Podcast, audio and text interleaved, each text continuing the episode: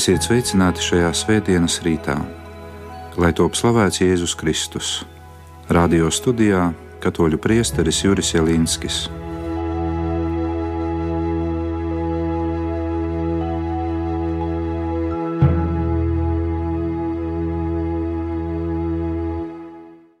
Lasījums no Jēzus Kristus evanģēlija uzrakstījis apustulis Jānis.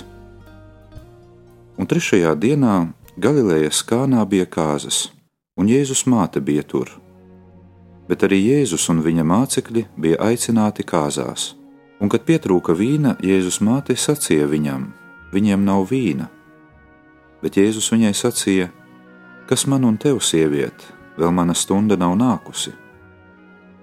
Viņa māte teica apkalpotājiem: Visu, ko viņš jums sacīs, dariet. Bet saskaņā ar jūdu šķīstīšanos tur bija novietoti seši akmens trauki ūdenim, un katrā no tiem ietilpa divi vai trīs mēri. Jēzus teica viņiem: Piepildiet traukus ar ūdeni, un viņi tos piepildīja līdz malām. Tad Jēzus teica viņiem: Tagad smeliet un nesiet galdzinim, un viņi aiznesa bet kad galdzinis nogaršoja ūdeni, tas bija pārvērsts vīnā.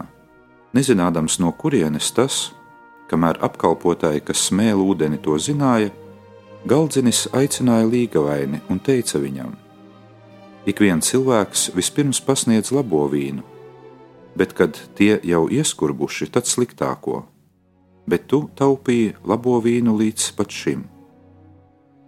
Šo sākumu brīnumiem Jēzus darīja Galilejas kānā, atklādams savu godību, un viņa mācekļi ticēja uz viņu.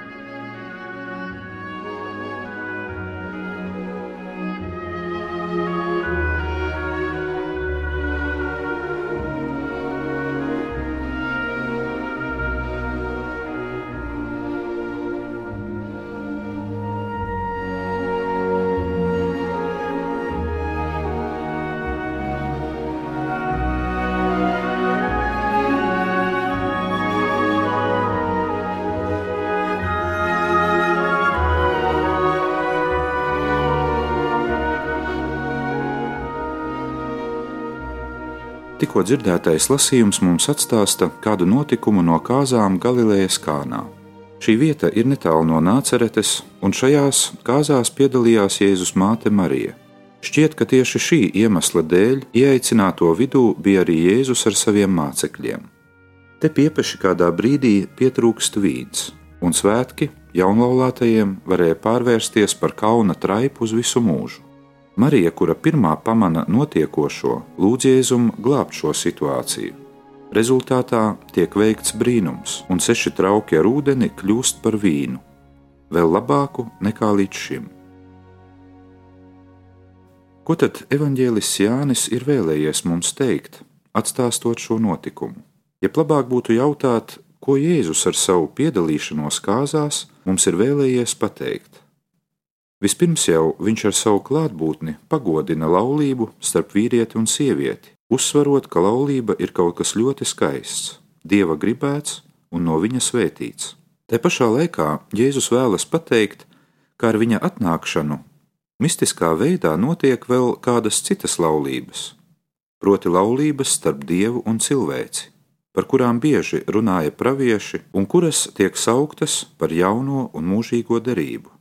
Patiešām ļoti bieži Bībelē Dievs savu mīlestību uz cilvēci izsaka lietojot cilvēciskās laulības attēlojumu. Savukārt Galilejas kānā šis simbols un realitāte sastopas, un divu jaunu cilvēku kāzas kļūst par iemeslu pārdomāt arī par kādu citu līgavaini un citu līgavu. Te rodas jautājums, Vai tad notikums Galilejas kānā mums liek vienīgi domāt par garīgo laulību starp Kristu un baznīcu? Noteikti nē, jo garīgā laulība, kā arī cilvēciskā laulība, ir savstarpēji saistītas. Ja jau cilvēciskā laulība kalpo kā simbols, lai izteiktu garīgās kāzas starp Kristu un cilvēci, tad savukārt šī garīgā savienība mums parāda modeli, kādai vajadzētu būt ikvienai cilvēciskai laulībai. Citiem vārdiem sakot, ja mēs gribam uzzināt, kādām ir jābūt vīra un sievas attiecībām laulībā, tad mums ir jāuzlūko, kādas ir Kristus un baznīcas attiecības. Mēģināsim šo jautājumu sīkāk aplūkot, balstoties uz apakstuļa Pāvila vārdiem. Vēstulē Efeziešiem viņš uzsver, ka ikvienas laulības sākumā un centrā ir jābūt mīlestībai. Tieši tāpēc viņš saka, un jūs, vīri, mīliet savas sievas, kā Kristus ir mīlējis baznīcu un ir devis sevi par viņu. Šodien šī mīlestības nepieciešamība mums liekas pašsaprotama, taču vēl pirms vairāk nekā viena gadsimta, un arī ne visās valstīs tagad, mīlestība tiek nolikta pirmajā vietā. Gadsimtu un gadu tūkstošu vēsture mums liecina, ka laulība daudzreiz nebija visu pašu laulāto izvēle, bet gan tā bija viņu ģimeņu lieta, lai tādējādi varētu saglabāt savu dinastiju, īpašumus un kopīgās intereses. Visu iniciatīvu tātad uzņēmās vecāki, bet paši laulājamie varbūt tikai viens otru ieraudzīja kāzu dienā. Apostulis Pāvils nevien uzsver mīlestības nepieciešamību, bet arī pirmajā vēstulē korintiešiem viņš saka, ka Kristus mūs mīl ar greizsirdīgu mīlestību un šādai mīlestībai būtu jābūt ikvienam vīram. Ar greizsirdību šeit, protams, nav jāsaprot tā sliktā greizsirdība, kas ir cilvēciskā vājuma un uzticības trūkuma pazīme, jo ir arī pozitīva greizsirdība, kas ir pretēja vienaldzībai, un tā izpaužas rūpēs un ieinteresētībā par otru. Tālāk apustulis Pāvils vēstulē Efeziešiem uzsver, ka Jēzus deva pats sevi par baznīcu, lai viņu darītu svētu, kurai nav ne traipa, ne grumbu. Vai arī šai ziņā vīri var līdzināties Kristum? Vai arī viņi spēj kaut ko darīt, lai uz sievas sejas neparādītos grumbas? Jā, ir arī tādas grumbas, kuras parādās no mīlestības trūkuma un no vientulības. Tieši tāpēc, ja sieva jutīsies svarīga un vajadzīga vīram, tad viņai nebūs grumbas, bet ja arī būtu, tad tās būs savādākas, tādas, kuras nemazina, bet gan pavairo viņas skaistumu. Pārdomājot tālāk, par sievām varam jautāt, bet ko tad viņas var iemācīties no baznīcas? Vispirms jau ir jāsaka, ka baznīca grib būt skaista vienīgi sava līgavaina, bet ne citu priekšā. Viņa ir lepna un entuziasma pilna par visu, ko Kristus ir veicis. Baznīca nebeidz viņu slavēt. Tikko teikto attiecinot uz cilvēcisko līmeni, mēs redzam, cik svarīgi ir sievām prast, novērtēt un apbrīnot savus vīrus. Būtu ļoti nepareizi laulības dzīvē nepateikt atzinīgus vārdus par vīra darbu, par viņa organizatoriskajām spējām, par viņa sevis veltīšanu ģimenei jo mīlestība tiek uzturēta caur atzinīgu novērtēšanu, bet bez tās mīlestība mirst. Ir vēl viena lieta, kuru Dievs ar savu piemēru vēlas atgādināt laulātajiem, gan vīriem, gan sievām. Un runa te ir par uzticību. Dievs ir uzticīgs vienmēr, neskatoties ne uz ko. Piemēram, pravietis Osejs ļoti zīmīgi apraksta Dieva un Izrēļa tautas attiecības pielīdzinot tās laulībai, kura ir nonākusi krīzē. Tauta ir kļuvusi neusticīga, tā ļauj sevi apkampt dažādiem elkiem un attālinās no dieva. Dievs vispirms piedraud, viņš izgāž savas dusmas, lietojot cilvēkiem raksturīgus vārdus, bet pēc tam redzot, ka ar dusmām neko nevar panākt, Dievs nolemj pats mainīt savu nostāju. Viņš aizmirst tautas pagātnes neusticību un nolemj savu līgavu atkal atgūt ar mīlestības palīdzību. Dieva vārdi šeit izklausās pēc tā, it kā vīrs piedāvātu sievai doties ceļojumā divatā, lai visu atsāktu no jauna, lai uzsāktu jaunu medus mēnesi. Tā piemēram, pravieša Oseja grāmatā lasām to, ko Dievs saka savai neusticīgai tautai: Es viņu pievilkšu pie sevis klāt viņu aizvedīšu tuksnesī un uzrunāšu viņas sirdi, un tad viņa būs piekāpīga un dziedās kā savas jaunības dienās. Jautājumam par laulātu uzticību šodien varbūt pārāk daudz neviens nevēlas uzmanību pievērst, taču ir jāsaka, ka daudzas laulības izjūg tieši šīs neusticības dēļ, Ir cilvēki, kuri to noliedz, sakot, ka laulības pārkāpšana ir rezultāts, nevis iemesls ģimenes krīzei. Citiem vārdiem, otrs tiek piekrāpts tāpēc, ka laulāto starpā vairs nav nekas kopējs. Protams, reizēm tā ir arī patiesība, bet ļoti bieži tas viss ir kā apburtais lokus. Laulība tiek pārkāpta tāpēc, ka nav vairs savstarpējas mīlestības bet savstarpējā mīlestība ir pazudusi tāpēc, kad kāds ir iesācis pārkāpt laulību, sākotnēji varbūt tikai savā sirdī. Tieši tāpēc, ejot pa šo apburto loku, tas, kurš pārkāp laulību, parasti visu vainu mēģina uzvelt uz laulātā drauga vai draudzenes pleciem. Savā laikā uzrunājot tautu, Svētais Augustīns teica: Ja kāds vīrs saka, ka viņš ir uzticīgs savai sievai, tad par viņu smejas teikdami, ka viņš nav vīrietis. Lūk, cik tālu ir aizgājusi cilvēciskā samaitātība, jo tos, kuri pakļaujas kaislībām, uzskata par vīriešiem, savukārt, kuri tās uzveic, par tādiem netiek atzīti. Tas ir kaut kas līdzīgs, turpina Svētais Augustīns, it kā mēs novērotu sacīkstes amfiteātrī, un par uzvarētāju uzskatītu to cīkstoni, kurš guļ nekustīgs zem zvēra apakšā, nevis to, kurš zvēru ir pieveicis. Kā redzam, Augustīns ar šiem vārdiem vēršas pie vīriem, jo viņa laikā, kā arī vēl nesenā pagātnē, laulības pārkāpšana tika uzskatīta par kaut ko neiedomājamu, ja to veica sieva.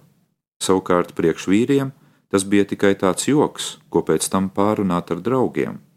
Šodien, kā mēs labi zinām, Augustīna vārdi skan vienādi, kā vīrus, tā sievas. Bet atgriezīsimies tomēr vēl pie šodien dzirdētās evaņģēlīja epizodes, jo tā sevī satur gaišu cerību ikvienam laulāto pārim.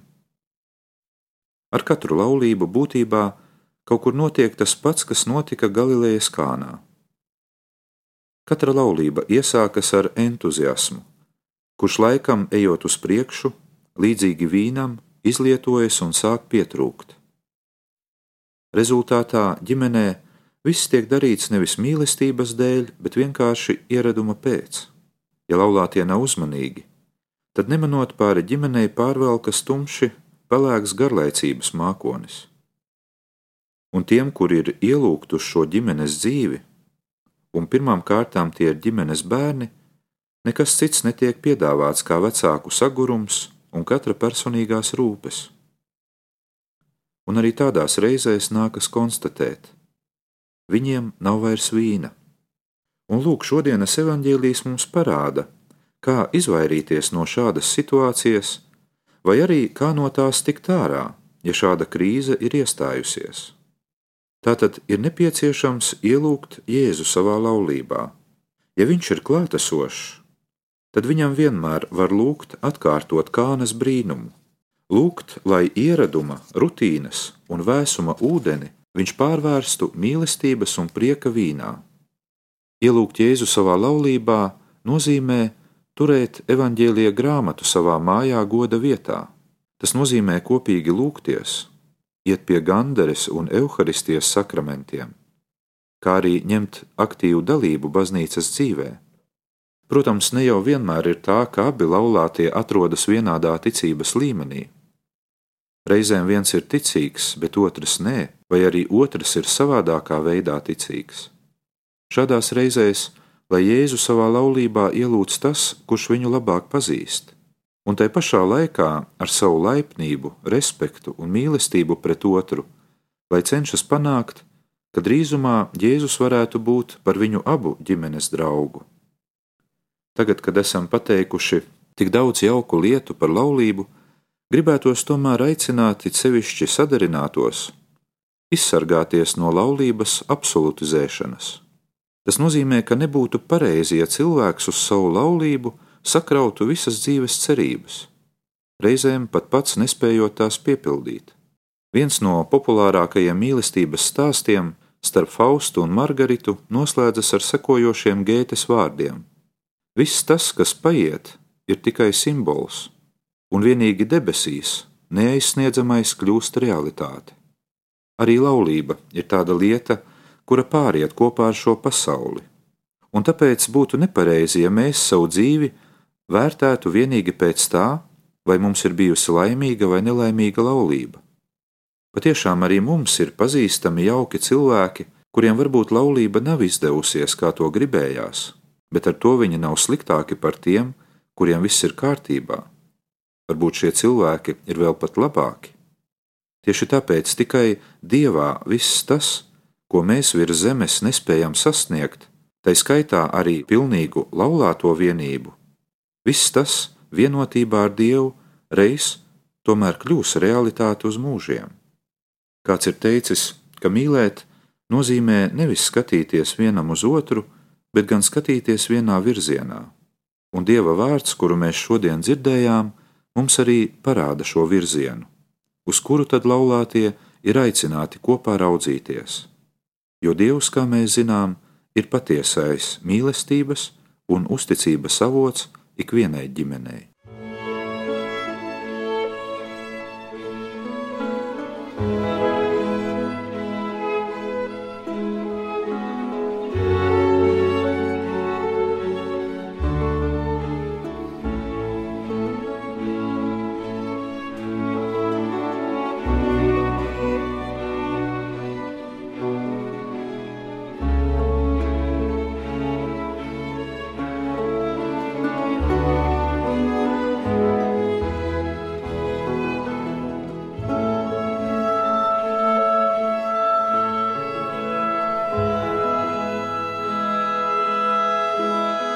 Šo pārdomu noslēgumā, lai savā lūkšanās uzticam Dievam visas Latvijas ģimenes, lai Dievs tās nostiprina, pat ja arī vienai vai otrai ģimenei nākas pārdzīvot kaut kādus krīzes periodus, lai labu cilvēku atbalsts, labu cilvēku padoms palīdz dažādām grūtībām iziet cauri, tādējādi šajās grūtībās norūdot šīs ģimenes, padarot tās vēl stiprākas un Mēs arī visi, kas šo raidījumu veidojām, lūdzam no Dieva svētību visām Latvijas ģimenēm, Dieva tēva un dēla un svētā gara vārdā.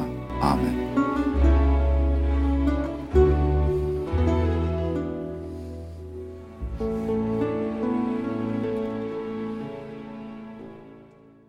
Svētrītā kopā ar jums bija katoļu priesteris Juris Jelinskis.